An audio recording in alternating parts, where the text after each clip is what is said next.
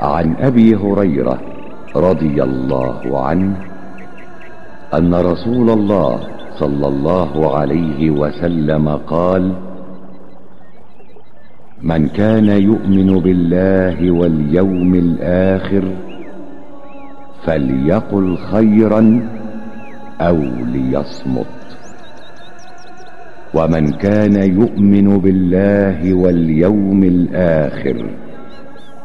فليكرم جاره ومن كان يؤمن بالله واليوم الآخر فليكرم ضيفه رواه البخاري ومسلم od Ebu Hureyre radijallahu anhu prenosi se da je rekao Allahov poslanik sallallahu alihi wasallam ko vjeruje u Allaha i sudnji dan neka govori dobro ili šuti